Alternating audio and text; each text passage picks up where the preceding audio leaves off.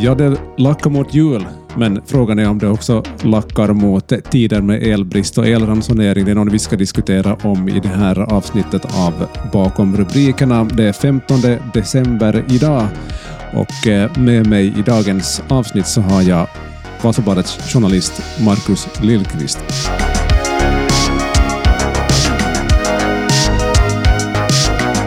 Det är som sagt energiläget och läget på energimarknaden vi ska diskutera lite. Det, det känns kaotiskt och framförallt lite skört och sårbart som det är just nu. Kan man på något sätt beskriva hur, hur den här situationen är i Finland och Europa i, i nuläget?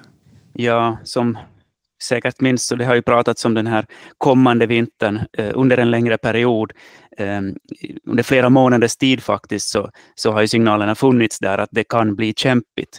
Och, och eh, nu verkar det ju tyvärr lite som att det faktiskt kommer att bli kämpigt, eller det, det, man kan nästan säga att det är kämpigt i dagsläget. Eh, det är flera faktorer som har kommit till nu, eh, saker som man inte visste i höst att skulle faktiskt eh, förverkligas. Eh, de akuta grejerna just nu är ju, är ju kärnkraften. Mm.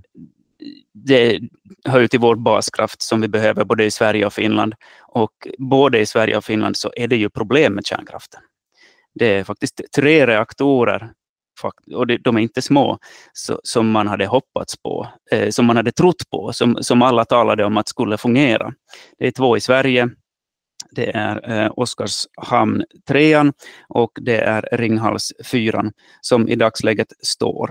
Och sen har vi då sorgebarnet Olkiluoto 3 som eh, borde ha gett ström för länge sedan men som i dagsläget inte ger någonting alls. Eh, sen är det ju förstås givetvis kopplat till den här större dynamik, dynamiken kring Ryssland. Eh, kabeln, elkabeln från Ryssland är stängd sedan länge. Eh, den har gett oss över 1000 megawatt och, och, det är ju där som vi har den stora skillnaden jämfört med tidigare vintrar. Eh, denna så att säga reservström som vi har förlitat oss till väldigt, väldigt, väldigt många år.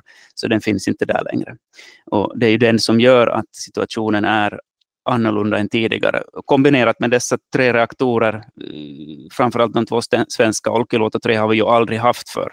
Mm. Men den, det var ju den som skulle komma in och, och, och ersätta det, det, den, den ryska kabeln. Och nu har den inte kommit på grund mm. av de problem som, som kom under, redan under testkörningen här för ett tag sedan. Mm i de bästa av världar så skulle Olkiluoto snurra på för full effekt i det här skedet. Ja, till och med för flera år sedan. Men, ja, det också, ja. men, men det, senaste var ju det att det, det, skulle komma i tid till denna vinter. Ja. Och det är ju ett faktum, det har det inte gjort. Vi har ordentliga minusgrader i hela landet. Om vi skulle behöva Olkiluoto 3 1600 megawatt, eh, Europas största kärnkraftsreaktor, borde vara igång. Mm. Tyvärr är den inte det. Det är en orsak till att vi sitter här och är lite oroliga just nu. Mm. Här tidigare i veckan du var inne på det där med att prata om en, att, en annorlunda situation och här tidigare i veckan så uppstod det då en, en för oss väldigt ny och märklig situation för att trots väldigt goda vindförhållanden och gott om vindel, det var snart sagt de mest blåsiga dagarna hittills i vinter här ehm, för, för ett par dagar sedan, så uppstod det här att det så kallade spotmarknadspriset ändå låg på, på 60 cent. Um, och, vilket ju är väldigt högt. Och idag när vi bandar in det här så ser det ut som så att det är, tickar uppåt. Vi kommer också idag att landa på över 60 cent per kilowattimme. Vad är det som förklarar att det har blivit så här? Du var inne på den saken redan i den fråga du ställde tidigare. Det är det europeiska perspektivet här som mm. eh, försvårar läget för oss. Alltså eh, elmarknaderna är ihopkopplade med varandra.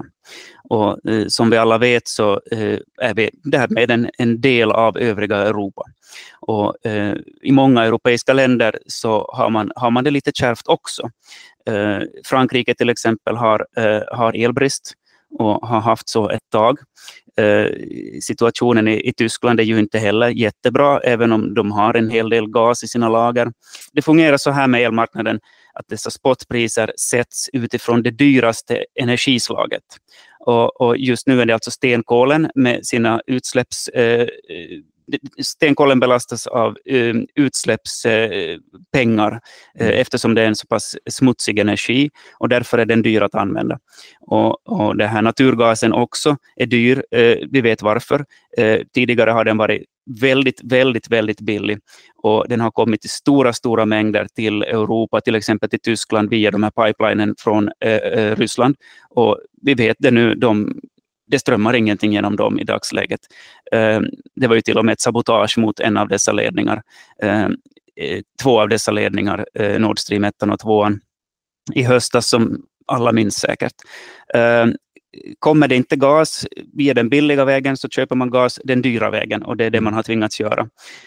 och därför så, det här är alltså de dyraste energislagen i dagsläget och det är de som avgör eh, sedan hur dyr all el blir. För det är så det fungerar.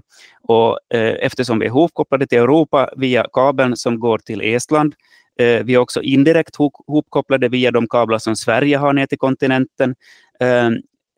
Därför är vi en del av samma ekonomiska system och eh, det är, en orsak, eller det är orsaken till att vi, vi har dessa höga priser i dagsläget. 60 cent eh, där kring krokarna och det har varit länge. Mm. Eh, det har varit väldigt höga spotpriser under flera veckor nu redan. Mm. Och, och, det här med spotpriser är ju någonting som eh, många, de allra flesta elkunder sitter ju inte och köper el utifrån spotpriser. De, de eh, har dragit öronen till sig under, under eh, redan för ett år sedan så var spotpriserna väldigt höga och de kunder som har följt marknaden har varit lite försiktiga med det. Men det är klart att det finns, finns de som har sådana avtal och de har åtminstone tidigare kunnat, kunnat gynnas av det att spotpriserna har varit låga nattetid. Mm till exempel de som har en stor eh, boilare, en stor vattenbehållare hemma, har kunnat värma den nattetid med el, bill, billig el och sen har de kunnat värma huset på dagen med det. Men, men under senaste veckorna har det inte varit så heller. Det har till och med varit dyrt på nätterna. Det har till och med varit dyrt på helgerna. Mm. Eh, så att situationen är nu, skulle jag säga, ganska så väldigt annorlunda egentligen. Och, och som du sa, inte ens fast det blåste hårt. Eh, vindkraften producerade över 3000 megawatt Mm. Alltså dubbelt så mycket som den här Olkiluoto 3-reaktorn kommer att ge när den väl är i bruk för fullt.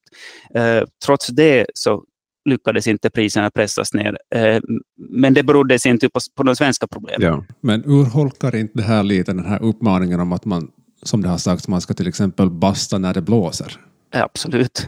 Ja. Den som sitter och följer eh, spotpriserna via till exempel Fingrids äh, app, den heter ja. Tuntihinta, den är bra, den rekommenderar jag att man laddar ner till sin telefon, alldeles särskilt om man har spotavtal.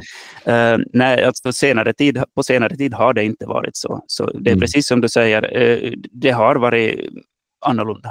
Kan man säga någonting om var går bristningsgränsen? Jag menar, nu sitter vi här, det är onsdag då vi spelar in och tittar jag ut genom mitt fönster här så träden rör inte sig överhuvudtaget. Jag kan föreställa mig att åtminstone de mest närliggande vindkraftsverken här så de står fullständigt stilla en sån här dag samtidigt som temperaturmätaren visar minus 13 minusgrader. Hur håller vårt system för, för just såna här dagar när, när det ändå kan jag tänka mig att det, nu, nu är det kallt, energiförbrukningen är säkert ganska hög för tillfället i och med att folk ska värma sina hus och hela den biten och industrin går på högvarv. Hur, hur nära är vi någon sorts gräns där det som kommer till det skedet att ja, men nu måste vi börja ransonera?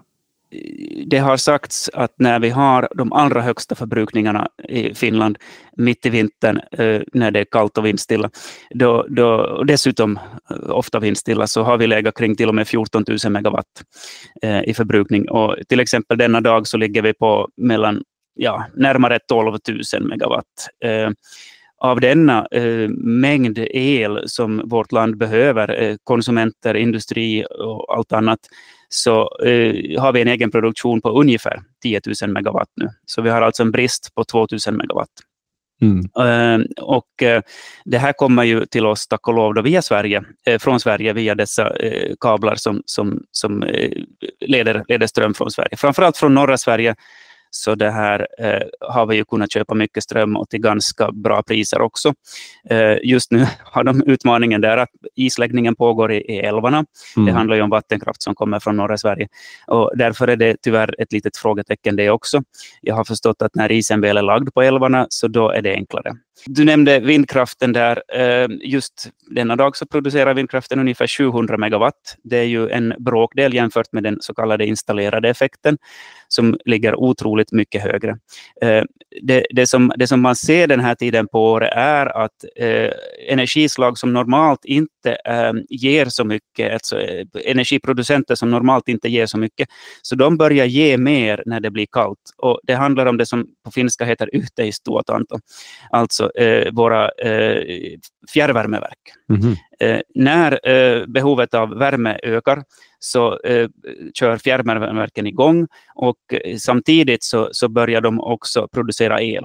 För det rör sig om, om, om, om eh, kraftverk som både ger värme och el. Och, och, och, de här blir ju extremt mycket viktigare nu den här tiden på året. Så att eh, när jag tittar på Fingrids siffror så ligger dessa fjärrvärmeverk på i stort sett samma kapacitet som eh, vår, gemen, alltså vår eh, kärnkraft. Mm. Så, så det, det, är mycket som kommer den vägen nu. Och, och sen eh, industrin eh, buffar in ganska mycket effekt nu i systemet, 1500 megawatt i, storle, i den storleksordningen. Solkraften ger ju förstås absolut ingenting, dessvärre den här tiden på året. Eh, ger inte mycket annars heller, men ger ibland ett litet tillskott. Eh, sen har vi förstås vattenkraften. Och vi har en del vattenkraft i Finland, otroligt mycket mindre än Sverige. Mm. Men den vi har så finns där och den kan till viss del buffra. Vi har inte jättestora möjligheter, vi har inte jättestora dammar, men den kan delvis buffra och det betyder att den kan liksom fasas in med större effekt när det väl behövs. Ehm, så att vi har nog ett system som fungerar någorlunda, men vi är trots det särskilt de dagar när det inte blåser, så är vi mycket beroende av Sverige. Mm. helt mm. beroende av Sverige skulle jag påstå.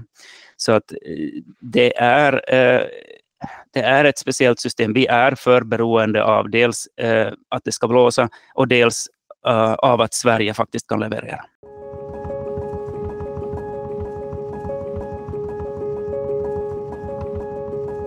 Behovet av journalistik är starkare än någonsin. Vi här på Vasabladet gör vårt bästa varje dag för att du ska kunna ta del av det som händer lokalt, regionalt, nationellt och internationellt. Att prenumerera på Vasabladet är det bästa sättet att stödja vårt arbete så att vi kan fortsätta bevaka händelser och skeenden i samhället. Vasabladets nyheter hittar du bland annat i Vasabladets nyhetsapp och på vasabladet.fi. Följ oss gärna på sociala medier på Instagram, Facebook och Twitter. Tack för att just du stödjer vår journalistik. Nu har du som lyssnare och inte prenumerant möjlighet att prova på Vasabladet en månad för endast en euro. Det ger dig tillgång till allt innehåll på nyhetssajt och i VBL-appen. Allt du behöver göra är att söka dig till vbl.fi podd. Tack för att just du lyssnar på Bakom rubrikerna.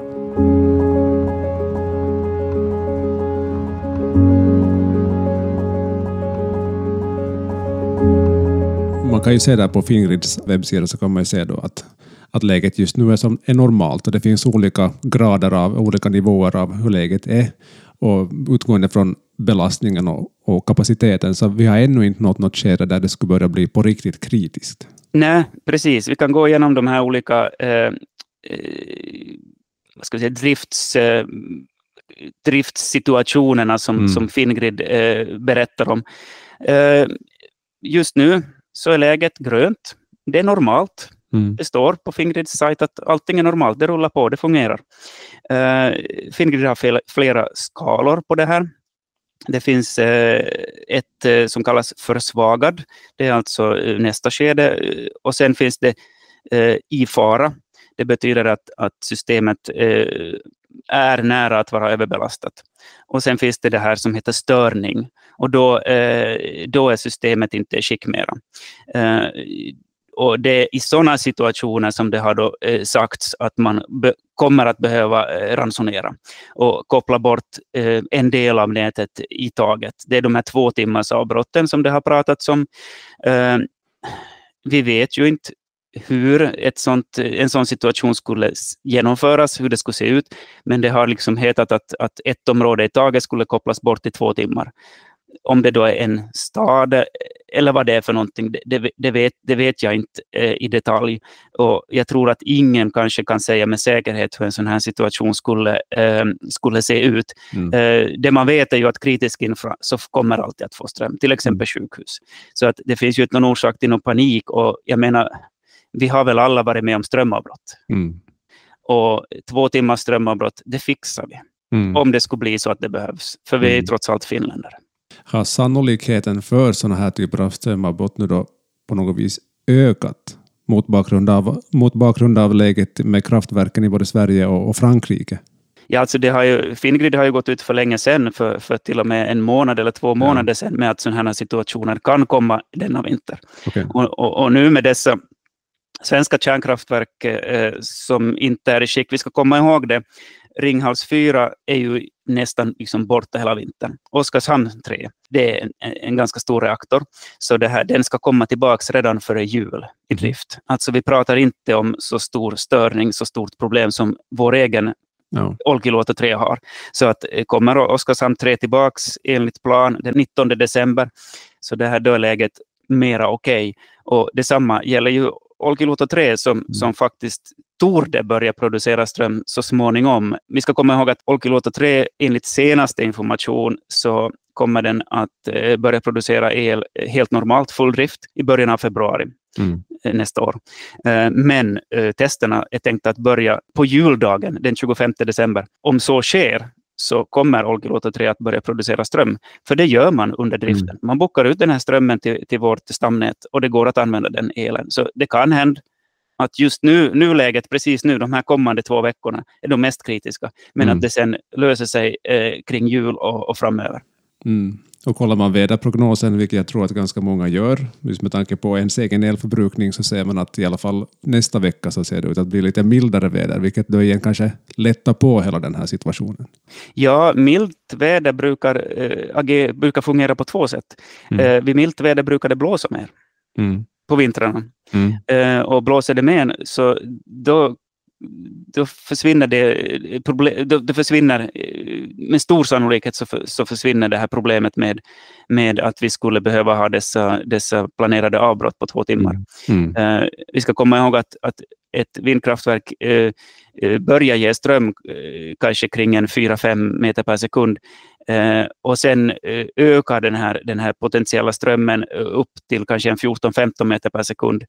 Eh, så att det finns en sån ganska bred skala på, på när, de ger, när de ger en del och sen när de ger för fullt. Alltså det, mm. det, det, det, går helt enkelt inte att, att, säga hur mycket de kommer att ge, men, men eh, de ger redan. Det behöver inte blåsa liksom storm för att de ska ge ström. Nej, precis. Vad har du för tankar? Om det? Jag tänkte på det att om man liksom drar någon slags parallell till coronapandemin så, så vi finländare vi är ganska snabba på att slå oss för bröstet när det kommer till beredskap, att vi är nog redo när det, när det krisar.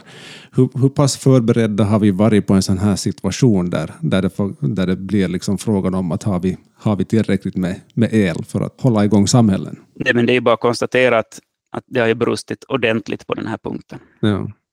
Uh, det, någon av dessa experter sa jag tror det var Fingrid till och med som, som slog sig för brösten tidigare i höstas och sa att med Olkiluoto 3 och med all dessa vindkraftskapacitet så är vi självförsörjande. Mm, ja.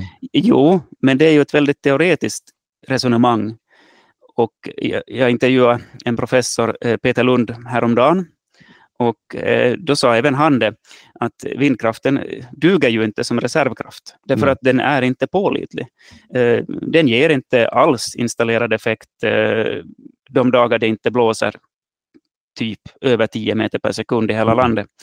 Så att när vi har brustit, helt klart. Eh, Olkiluoto 3, skulle den vara igång enligt, enligt plan så skulle vi ha en betydligt bättre beredskap än vad vi har. Mm. Det, det, jag, jag, hoppas att det är många, många det här tjänstemän eh, och eh, politiker som rannsakar sig själv nu när, när vi hamnar i den här situationen. Eh, man har väl helt enkelt låtit marknadskrafterna, ja. marknadskrafterna styra detta och, och, på något sätt trott att det ska lösa sig, men sen, sen kom sen visade det sig att Ryssland var opålitligt och, och det, var ju, det var ju tråkigt. Ja, jag tänker på just vindkraften, att där finns ju förstås aspekten av att, att det, den ska byggas ut för att Finland har ju en målsättning om att vara klimatneutralt en, en bit in på 20, 2030-talet, samtidigt som det är ändå en form av energi som är väldigt styrt av pengar. Det finns stora ekonomiska intressen i, i det det talas ju en hel del om det här. Det stora problemet är ju att de där dagarna när det blåser duktigt så borde man på något sätt kunna, kunna spara den där strömmen mm. och använda den under de där dagarna när det inte blåser ordentligt och när man mm. behöver det. Och i dagsläget finns det ju inga riktigt bra system för detta. Det talas mycket om vätgas, men vi har ju inte kommit så långt kring vår vätgasinfrastruktur. Vi har egentligen inte kommit någon vart alls med det, utan det är ju någonting som man måste tänka på lång sikt. Mm. Det som skulle behövas nu är reservkraft. Och eh, i dagsläget har ju Finland faktiskt inte ett enda reservkraftverk. Det som heter Meripori, som tidigare har varit vårt eh, reservkraftverk, det är ett kolkraftverk i, i Björneborgsområdet. Ja. Det har, har tidigare vår, varit vårt reservkraftverk, men idag är det i kommersiell bruk. Så det är ett av de där kraftverken som snurrar och ger ström just nu. Vi har ingen reserv. Under den här situationen, under den här perioden, så har ju finländarna då också visat sig igen då var det redan där det gäller. Man har ju sett att elkonsumtionen den har gått ner. Men kan man säga någonting om hur, hur länge ska man tänka att man är en del av ett energispartalko? No, så länge det behövs, tänker jag. Mm. Personligen har jag nog inte använt elbastun där hemma på väldigt länge. Uh, detta till trots att, att jag har ett elavtal som är mera gynnsamt än vad spotpriserna är just nu. Mm. Uh, laddar jag en elbil så gör jag det nattetid. För då är det trots allt så att vi har uh, ett mindre behov i samhället i övrigt av denna, mm. denna ström. Uh, Peter Lund, professorn, sa det bra till mig. Finländarna har ju lyckats här att hålla ner sin konsumtion med i storleksordningen 10 procent. Och, och, och, det är ganska mycket egentligen. Mm. Men problemet blir ju när man om man ska ut, spara mel utöver dessa 10 procent. Alltså det är som mycket enklare att spara den där första 10 procenten än att spara nästa 10 procent. Ja. Ja. Eh, då måste man verkligen börja fundera hur man kan göra. Då måste man verkligen sänka värmen hemma om man har eluppvärmning. Eh, man, man måste, det räcker inte att byta till LED-lampor i, i brännan om man säger så, när man ska börja spara ytterligare. Det, mm. det, blir, det blir svårt att spara ytterligare utan att verkligen, verkligen sänka sin levnadsstandard. Det är ju ingen nackdel i sig att se över sin elkonsumtion, tänker jag, eftersom det kan vara en, en gärning som, som gynnar både miljö och plånbok. Det är ju ganska speciellt att elbolagen har gått ut och uppmanat folk att spara ström. Jag menar, de säljer ju en produkt som heter el och då ska man ju tro att de vill sälja så mycket som möjligt. Tvärtom vill de att kunderna nu ska spara. Eh, jag skulle säga oberoende av vilket avtal man har, eh, hur billig ström man än köper, för vissa sitter ju på kanske på ett tvåårigt avtal och betalar bara fem cent per kilowattimme. Jag tycker ju att alla borde delta nu och mm. fundera över sin elförbrukning och framförallt försöka förskjuta den till helger och till nätter eh, när, man måste, när man måste använda elen. Mm. Och, eh, jag menar, de som bor i ett, ett höghus och, och bara har hushållsel, det är peanuts egentligen hur de gör, tänker jag. Medan de som värmer sina hus eh, och laddar sina elbilar och sånt, det är där vi har de stora liksom, konsumentförbrukarna. Men det heter ju också att ifall att det skulle bli en sån där kris som vi har diskuterat här, så eh, då är det troligt också att någon eller några industrier minskar sin verksamhet. Och eh, på det sättet så eh, får man bort enorma förbrukare ur systemet. Eh, för sist och slutligen så har ju vår statsmakt någon sorts ansvar mot befolkningen. Och, och eh, jag menar, el är ingen lyxvara idag. El är en, lika viktig som mat. Vi måste få den eh, för att klara oss. Eh, så att i sådana situationer, om det uppstår, så, så, tror jag vi kommer att få se någon industri som kopplas bort från nätet eller åtminstone kraftigt minska sin förbrukning eh, för att klara de där topparna. Mm. Sen är det intressant det här med att eh, det har lyfts fram i offentligheten på den här veckan egentligen med att Energimyndigheten funderar ju på vad som, att, att alla finländare, finländare har rätt till el till ett rimligt pris. Att man först nu diskuterar det, att vad, vad är ett rimligt pris på el? Och det är knappast 60 cent per kilowatt som spotpriserna ligger på i, i dagsläget. Där kan jag hålla med att det finns nog väldigt många konsumenter där ute, och också företag, som har gjort sina kalkyler utifrån ett, ett helt annat elpris. Alltså normalt elpris som vi har vant oss Vi har ju 4-5 cent upp mm. till 8-9 cent kanske. Mm. Och nu ligger vi på enormt höga pris, prisnivåer. Ingen eh, hade väl kunnat förbereda sig på, på något sånt här. Det här kommer att prövas, eh, eller det håller på att prövas. Konkurrens och konsumentverket håller till exempel på att utreda eh, bolagens prissättning. Det tar tid, alla dessa utredningar tar tid, men någon gång under nästa år så kommer vi säkert att få mycket mera svar på de där frågorna. Mm. Att vad kan anses rimligt? Mycket en orsak till hela den här diskussionen om energiläget och eh, situationen på på energimarknaden. Det är en, någonting som förändras nästan från dag till dag, eller från vecka till vecka i alla fall. Tusen tack ska du ha för det här, Marcus Billqvist. Tack så mycket.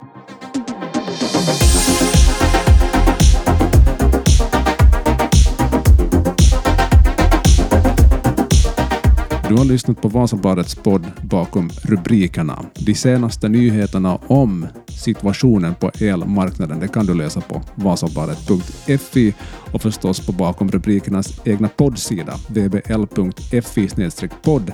Där samlar jag artiklar som är aktuella och relevanta till sånt som jag tar upp här i Bakom rubrikerna. För intervjuer, klipp och produktion står jag, Patrik Sjöholm. Jag hoppas att du fortsätter lyssna på podden och eh, följa podden där du lyssnar. Det ska bli ännu ett avsnitt nästa vecka innan podden tar lite jul och nyårspaus. Vi hörs igen nästa vecka. Ha det gott tills dess.